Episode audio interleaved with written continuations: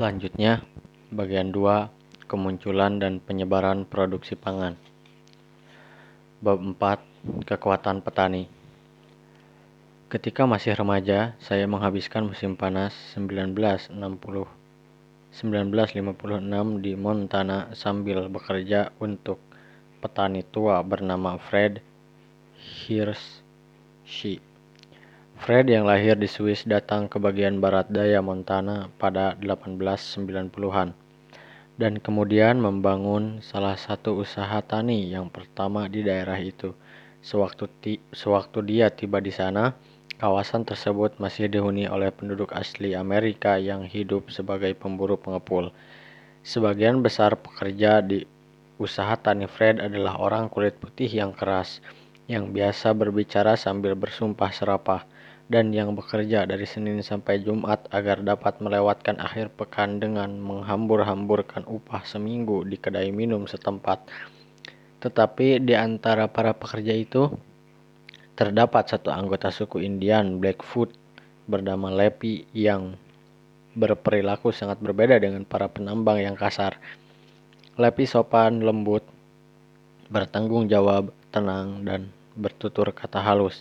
Dia orang Indian pertama yang saya kenal dekat dan saya pun menjadi kagum padanya. Karena itu saya sangat terpukul dan kecewa ketika pada suatu minggu pagi Lepi muncul terhuyung-huyung sambil memaki-maki setelah bermabuk-mabukan pada malam sebelumnya. Di antara sumpah serapahnya ada satu yang terus melekat dalam ingatan saya. Terkutuklah kau, Fred Hirschi, dan terkutuklah kapal membawamu dari Swiss. Makian itu langsung menyadarkan saya akan sudut pandang orang Indian mengenai apa yang diajarkan kepada saya dan kepada orang-orang kulit putih lain.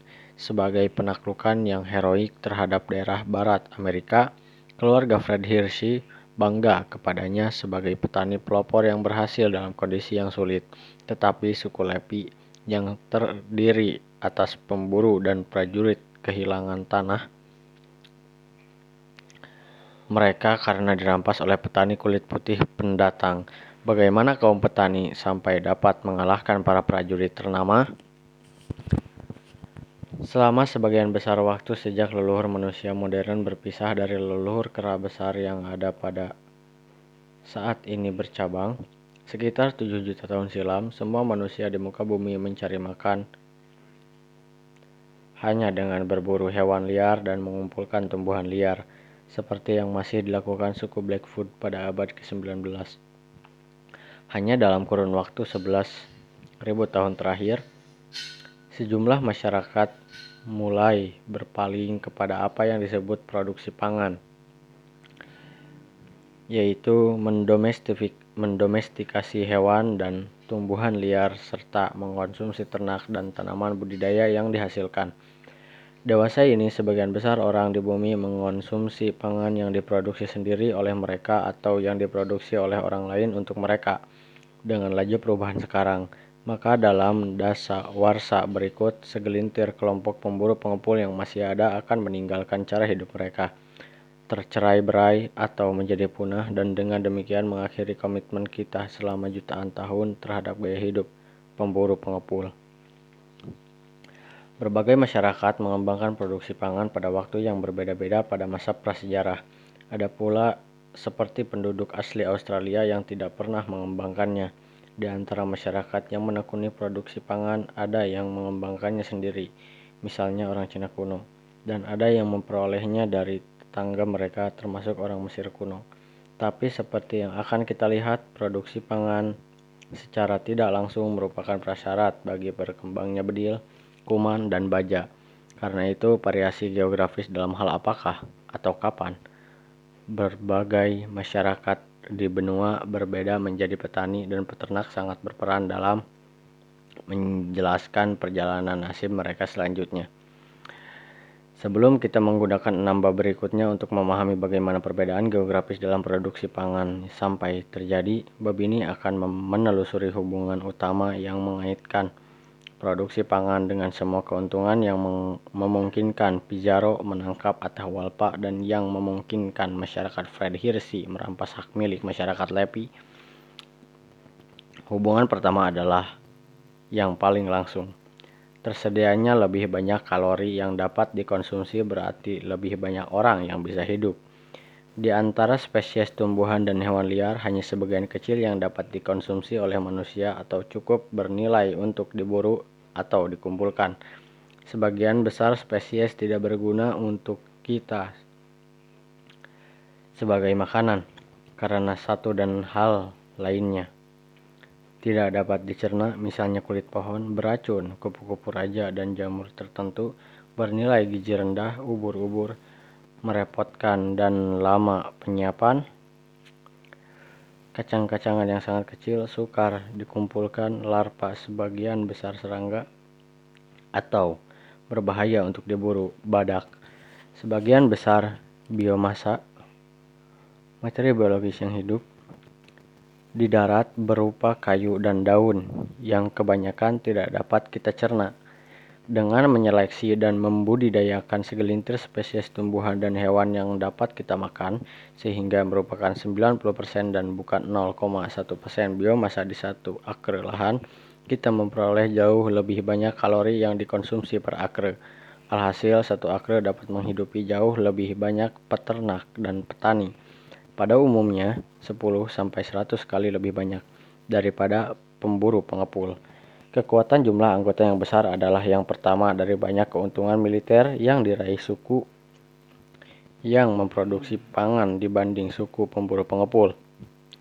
Pada masyarakat manusia yang memiliki hewan domestik, ternak menghidupi lebih banyak orang dengan empat cara, dengan menyediakan daging, susu, pupuk, dan dengan menarik bajak. Yang pertama dan paling langsung, ternak menjadi sumber utama protein bagi masyarakat tersebut, menggantikan hewan buruan liar.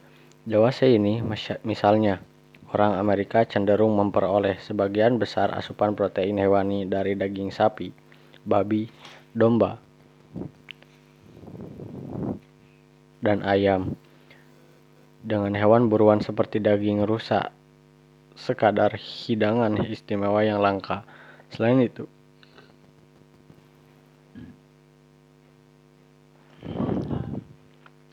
Selain itu, hewan mamalia besar juga menjadi sumber susu dan produk susu seperti mentega, keju, dan yogurt. Hewan yang diperah antara lain sapi, domba, kambing, kuda, rusa kutub, kerbau, yak, dan unta Arab serta unta baktria. Sepanjang hidupnya, masing-masing mamalia di atas menghasilkan jumlah kalori beberapa kali lipat dibandingkan jika hanya disembelih dan dikonsumsi sebagai daging. Hewan domestik besar juga berinteraksi dengan tanaman domestik melalui dua cara untuk meningkatkan hasil panen. Pertama, seperti yang diketahui oleh setiap tukang kebun atau petani modern berdasarkan pengalaman, hasil panen dapat jauh meningkat jika kotoran hewan digunakan sebagai pupuk.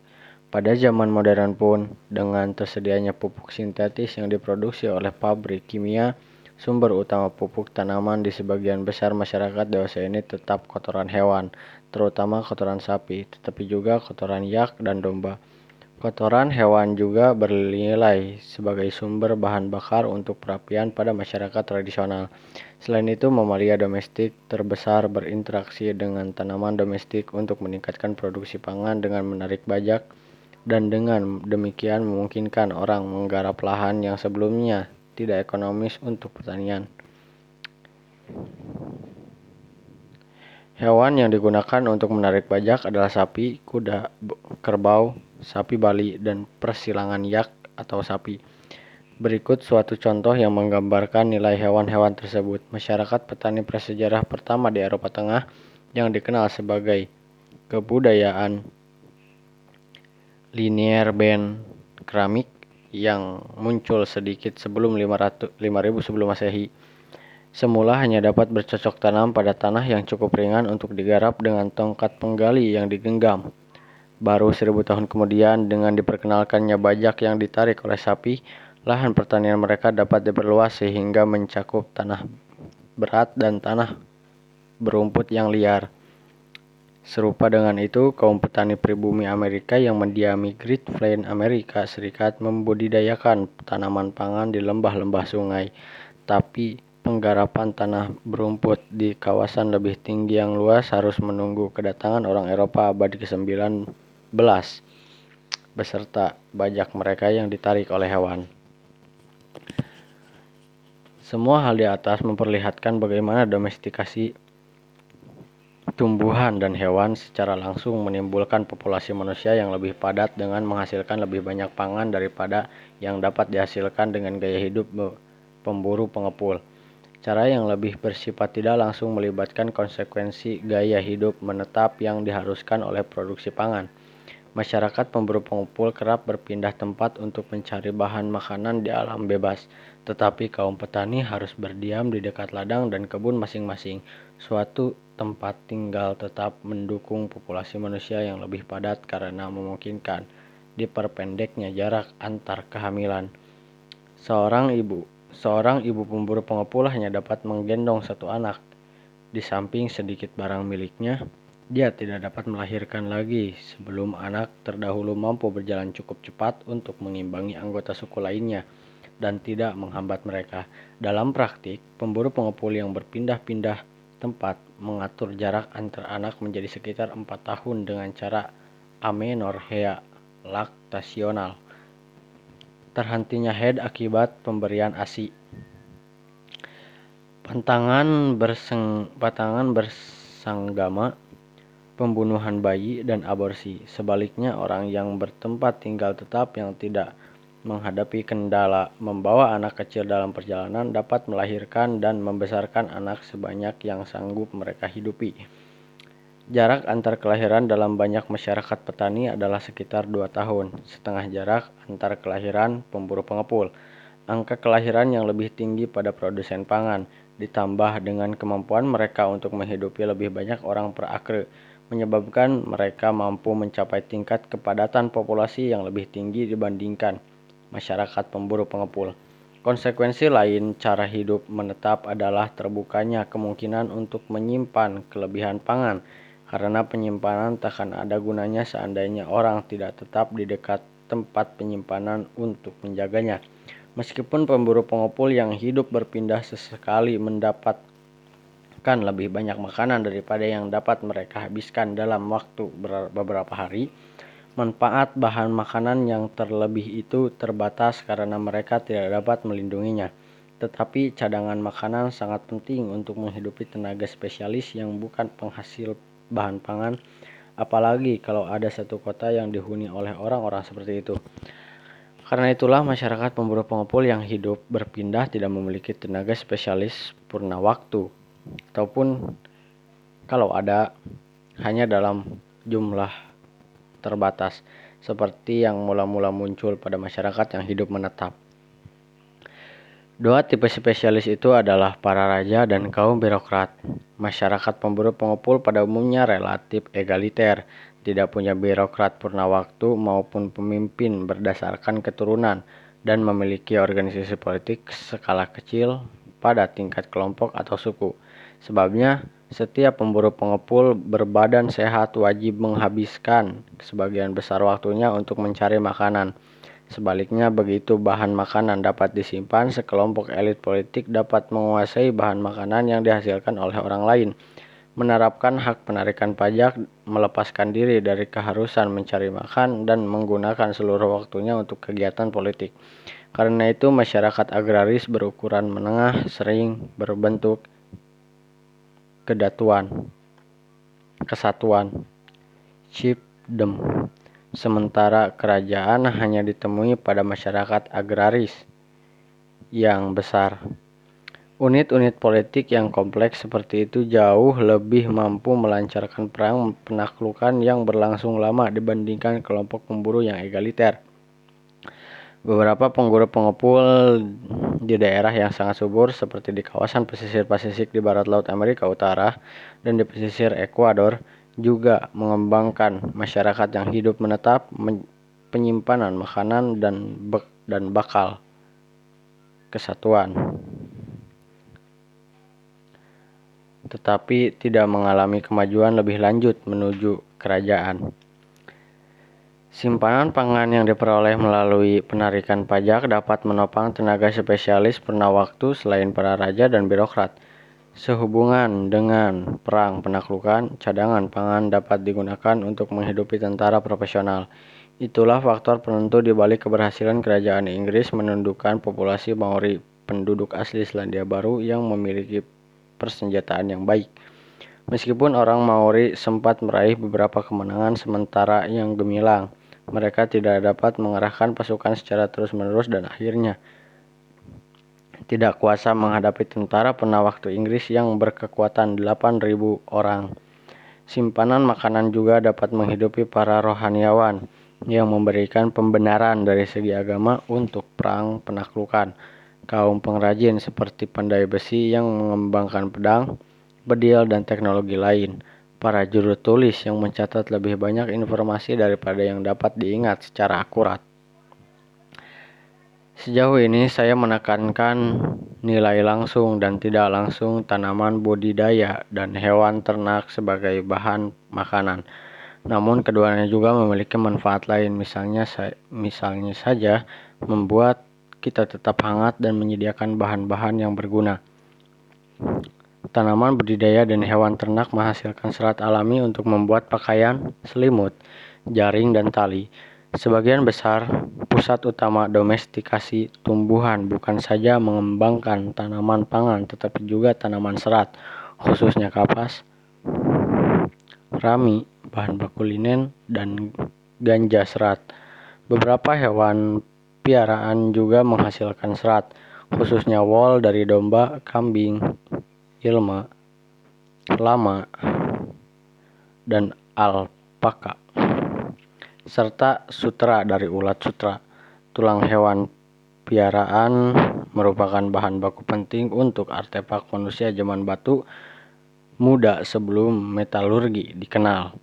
Kulit sapi digunakan untuk membuat barang kulit, Salah satu tumbuhan yang paling dini dibudidayakan di banyak bagian benua Amerika ditanam untuk tujuan non-pangan, yaitu labu air yang digunakan sebagai wadah. Hewan mamalia piaraan bertubuh besar semakin jauh merombak masyarakat manusia dengan menjadi alat utama angkutan darat sampai dikembangkannya kereta api pada abad ke-19. Sebelum domestikasi hewan, satu-satunya cara untuk membawa barang dan orang melalui jalan darat adalah dengan cara memanggul. Mamalia besar menggunakan keadaan tersebut. Untuk pertama kali dalam sejarah manusia, barang berat dalam jumlah besar dan juga orang dapat diangkut dengan cepat melalui jalan darat dalam jarak jauh. Hewan tunggangan meliputi kuda, keledai, yak, rusa kutub, serta unta Arab dan unta Baktria.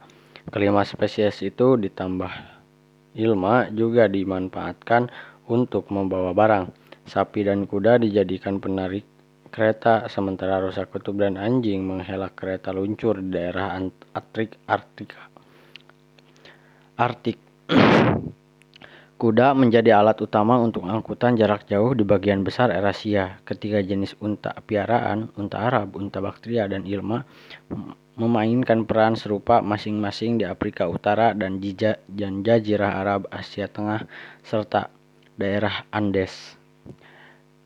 Kontribusi paling langsung do domestikasi tumbuhan dan hewan terhadap perang penaklukan diberikan oleh kuda Eurasia yang memainkan peran militer dalam peperangan zaman dahulu di benua tersebut yang setara dengan mobil jeep dan tank Sherman di zaman modern. Seperti yang telah saya singgung di bab 3, kuda memungkinkan Cortes dan Pizarro meruntuhkan kerajaan Aztec dan Inca dengan segelintir petualangan saja.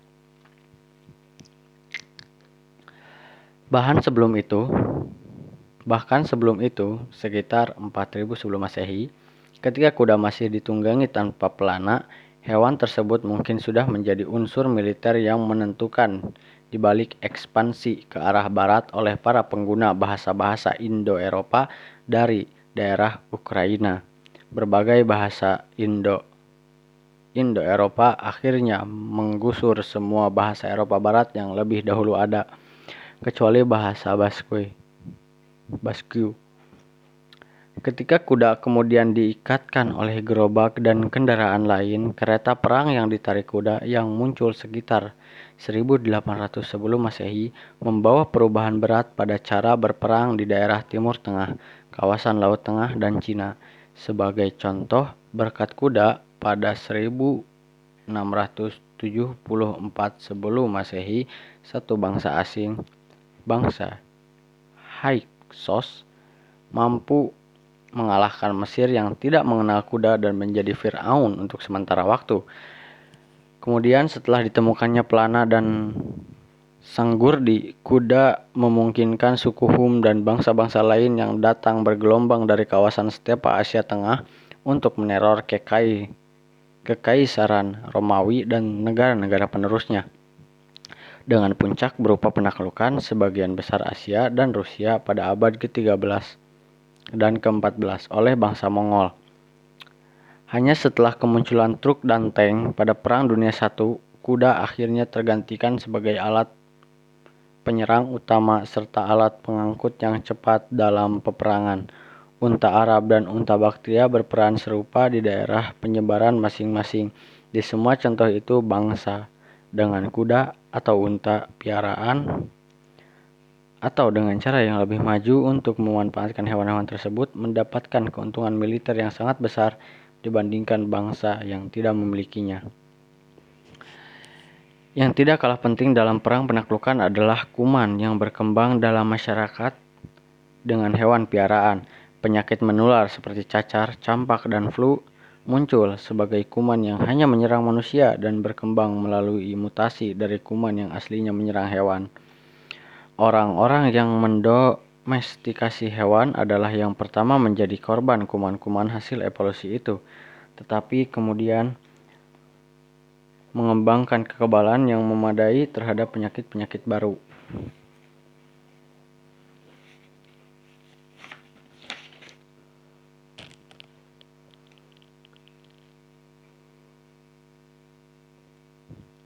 Ketika orang-orang dengan kekebalan seperti itu bertemu dengan orang-orang yang belum pernah terpapar kuman-kuman bersangkutan, akibatnya adalah epidemi yang menewaskan sampai dengan 99% populasi yang belum terpapar tadi. Kuman yang berasal dari hewan piaraan berperan menentukan dalam penaklukan penduduk asli Amerika, Australia, Afrika Selatan, dan kepulauan di Samudra Pasifik oleh bangsa-bangsa Eropa. Singkat kata, domestikasi tumbuhan dan hewan ber, berarti lebih banyak makanan dan dengan demikian populasi manusia yang jauh lebih padat. Kelebihan pangan yang dihasilkan dan di daerah tertentu alat angkut berbasis hewan untuk mengangkut pangan tersebut merupakan prasyarat bagi berkembangnya masyarakat yang hidup menetap terpusat secara politik, memiliki sastra, strata sosial dan bersifat kompleks dari segi ekonomi serta inovatif dari segi teknologi. Dengan demikian, ketersediaan tanaman budidaya dan hewan ternak merupakan penjelasan mendasar mengapa kerajaan, kemampuan membaca dan menulis, dan senjata baja mula-mula muncul di Eurasia, dan baru kemudian atau tidak sama sekali di benua-benua lain. Penggunaan kuda dan unta untuk kepentingan militer dan daya, daya bunuh kuman yang berasal dari hewan melengkapi datar kaitan utama antara produksi pangan dan penaklukan yang akan kita telah